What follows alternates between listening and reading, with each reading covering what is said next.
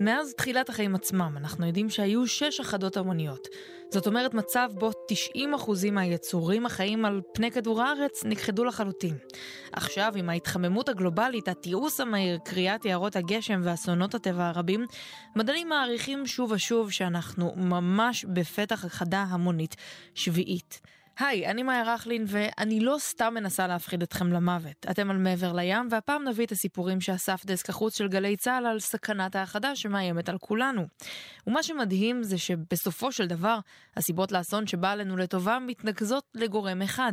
כסף. הנה גם בסיפור הבא, בני האדם היו מוכנים לשלם מחיר כבד לאחר שהחליטה ממשלת קונגו להפוך שתי שמורות טבע נדירות לאתרי קידוח נפט.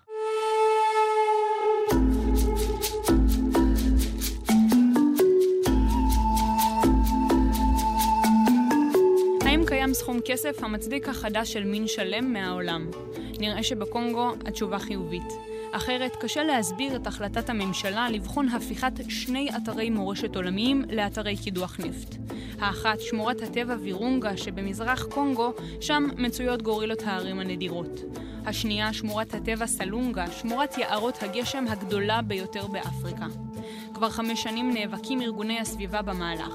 אדמס קסינגה מארגון קונסרב קונגו מבהיר בשיחה עם גלי צה"ל שגם הפעם פעילי זכויות הסביבה לא מרימים ידיים. We are not going to give up. We are going to fight for our natural heritage to the last drop of our blood. הממשלה לא תוותר בקלות, אבל עליה לדעת שאנו נעמוד בדרכה. נילחם על המורשת הטבעית שלנו עד טיפת הדם האחרונה, כך הוא אומר. ולא רק הטבע עשוי להיפגע מקידוחי הנפט, גם התושבים הנשענים על משאבי השמורות עלולים לחטוף מכה משמעותית. Let us also think about the communities which live in and around that national park. With the drilling of oil, that will be non-existent.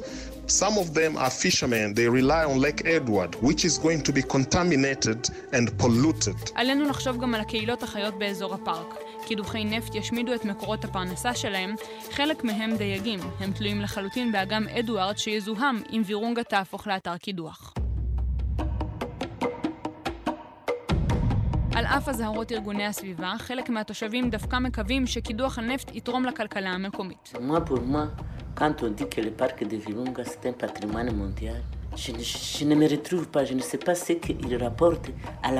כשאומרים ששמורת הטבע וירונגה היא אתר מורשת עולמי, זה לא אומר לי שום דבר, כך אומרת אישה המתגוררת בקרבת הפארק הלאומי.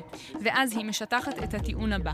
באמצעות שימוש במשאבים תוכל השמורה לתרום לאוכלוסייה המקומית, לחינוך הילדים וליצירת מקומות עבודה שחסרים כאן מאוד.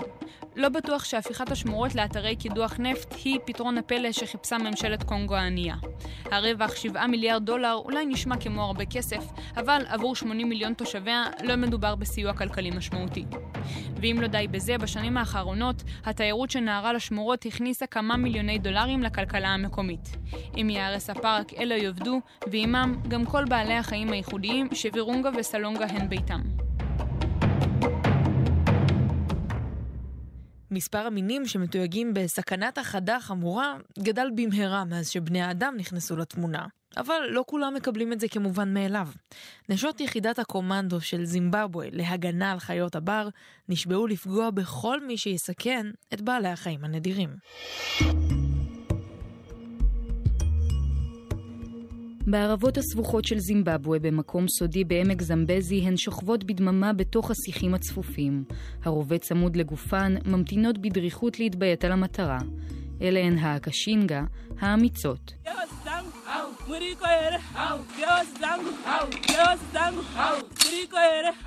אם תהיתם, לא מדובר במיליציה מקומית, אלא בקומנדו שנלחם נגד הציד הבלתי חוקי של חיות הבר. If you do something to animals, I'll catch you. We are here to protect animals. That's our duty. They will not disappear forever. אם תעשו משהו רע לבעלי החיים שלי, אני אתפוס אתכם. אנחנו כאן כדי להגן עליהם, אחרת הם ייעלמו לנצח, הן אומרות בנחישות. בראש הגדוד הנשי עומד אדם שנראה מעט מוזר בנוף הפירי של אפריקה. דמיאן מנדר צלף בצבא האוסטרלי בעברו ומייסד הקרן נגד ציד בלתי חוקי, הגה את המיזם הזה במטרה לשלב בין העצמה נשית לשמירה על הסביבה. מנדר, שגם מאמן בעצמו את הלוחמות, מספר שלא ציפה למימדי הצלחה כאלו. We started with 36. Now at the end of three days, only three had pulled off voluntarily, and we've put them through hell. and they just kept smiling and coming back harder and harder. Women given the opportunity, have the medal to change the face of conservation forever. התחלנו עם 36 נשים, רק שלוש פרשו. העברנו אותן גיהנום והן רק חייכו ועבדו קשה יותר. נשים יכולות לשנות את המצב אם תינתן להן ההזדמנות, אומר המפקד. כל הנשים מגיעות מרקע קשה, משפחות במצוקה, עבר של התעללות מצד בני זוג, אמהות חד-הוריות ללא עבודה ונפגעות תקיפה מינית. לצד הפרנסה שהתוכנית מספקת, המשתתפות בה מספרות כי בפעם הראשונה הן גם זוכות בביטחון עצמי, כבוד ותחושה שהן יכולות להתמודד לבד, ללא גברים. This is a good job, because it's not a best job, but for everyone. We are now equal to men, we are 50-50. זו עבודה טובה, והיא לא רק לגברים אלא לכולם. עכשיו אנחנו שוות להם, אומרות הלוחמות. אני שמחה מאוד כי מעולם לא חשבתי שאעשה דבר כזה, וזכיתי להתפתח כאדם. לצד ההיבט החברתי, התועלת הסביבתית של האקשינגה נחוצה מאוד. בעשור האחרון כ-11 אלף פילים ניצודו בזימבבואה, ואם תופעת הציד לא תיפסק, הפיל האפריקני עלול להיכחד כבר בשנת 2030. ויקטור מופושי, ביולוג המתמחה בשימור הסביבה, אומר כי הנשים הללו יוצרות תקווה לעתיד טוב יותר. Right in the middle of nowhere, and it is the beginning of a bigger and greater movement. And people will be surprised, but we're going to develop it to become one of the best models of conservation and protection of wildlife. באמצע שום מקום יש התחלה של תנועה גדולה יותר. אנשים יופתעו, אבל זה יהפוך לאחד המודלים הטובים ביותר לשימור חיי הבר.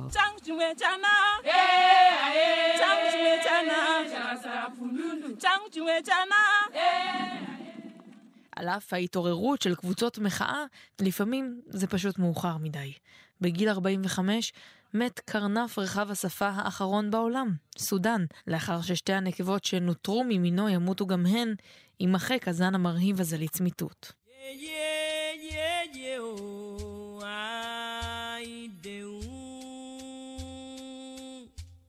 סודאן, קרנף רחב השפה האחרון בעולם, העביר את חייו במעין גן עדן. מוקף תמידית בארבעה שומרים וצוות וטרינרים שאוהבים אותו ומגנים עליו, אבל השבוע מת סודאן בגיל 45 בשל בעיות בריאותיות שנבעו מגילו המתקדם, והותיר אחריו רק שתי נקבות רחבות שפה, אחרונות בעולם. Kwa kuachwa na hiyo Sudani, sababu Raino peke yake alikuwa amefakiwa nadhani White Rhino. אחד משומריו סיפר על הכאב העמוק שמרגיש הצוות כולו, שנובע מכך שסודאן היה הקרנף הזכר האחרון מסוגו, ומותו מוביל כעת להכחדה הבלתי נמנעת של היצור המרהיב והעצום הזה. העובדה הזאת, סיפר הווטרינר הראשי בשמורה שבקניה, הפכה את ההחלטה להרדים את סודאן קשה מתמיד. As veterinarians we decided to evaluate the quality of life and advise stakeholders that this available option will be to put Sudan to sleep.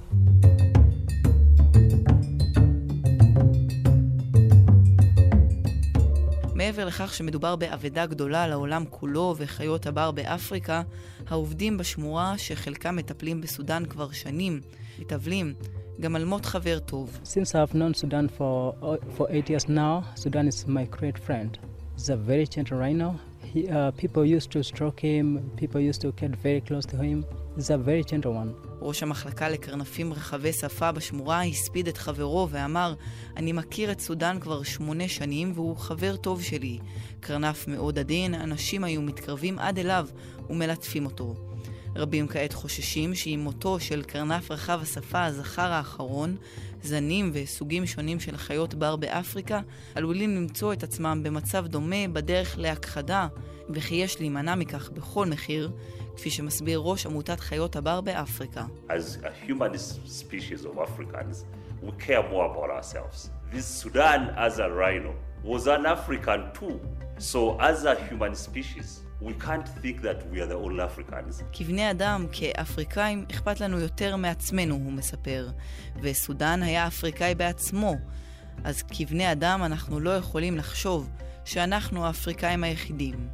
סודן השאיר אחריו את בתו ונכדתו, שתי הקרנפיות רחבות השפה האחרונות בעולם, אבל מדענים עוד לא ויתרו לחלוטין והעתיקו את הקוד הגנטי של סודן לפני מותו, בתקווה שיום אחד המדע יאפשר להחזיר את החיה הייחודית הזאת חזרה אל הטבע.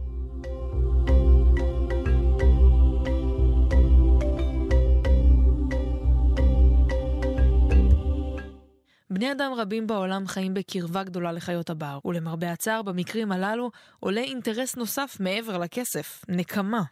כך למשל היה באינדונזיה. קבוצת אנשים יצאו למסע רצחני וגבו את חייהם של כמעט 300 קרוקודילים. זאת בגלל חבר שנטרף כמה ימים קודם לכן. עשרות גופות תנינים מוטלות על הקרקע הבוצית של מחוז סורונג במזרח אינדונזיה. 292 קרוקודילים מתים מונחים כאן בסך הכל, הם רבים כל כך שאין ברירה אלא לערום אותם אחד על השני. פסל מחריד של קורבנות התנגשות האדם עם הטבע.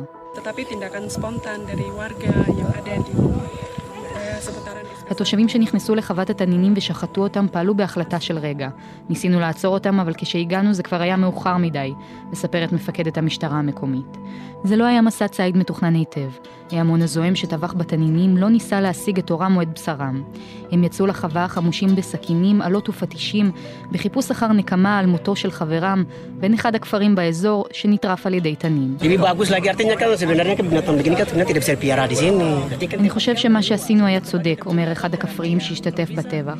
אי אפשר להחזיק את החיה הזו בקרבת בני אדם. מוטב להחזיק אותה במקומות רחוקים, כך יהיה בטוח יותר עבור בני האדם ועבור חיות המשק. אבל בעלי החיים לא באמת פועלים מתוך רוע, ולכן אין זה מוצדק לפגוע בהם, כפי שמסביר לנו שגריר ארגון גרינפיס, רועי גליץ. לראות את התמונות האלה מאינדונזיה זה פשוט שובר את הלב בתור משואב בעלי חיים. צריך לדעת שהטבע, בעלי החיים, לא מנסים לפגוע מתוך מטרה לפגוע. אי אפשר להאשים את כל התנינים במקרה שכזה. הרשויות חייבות להתערב ולהגן על בעלי חיים תמימים מפני תקיפה המונית.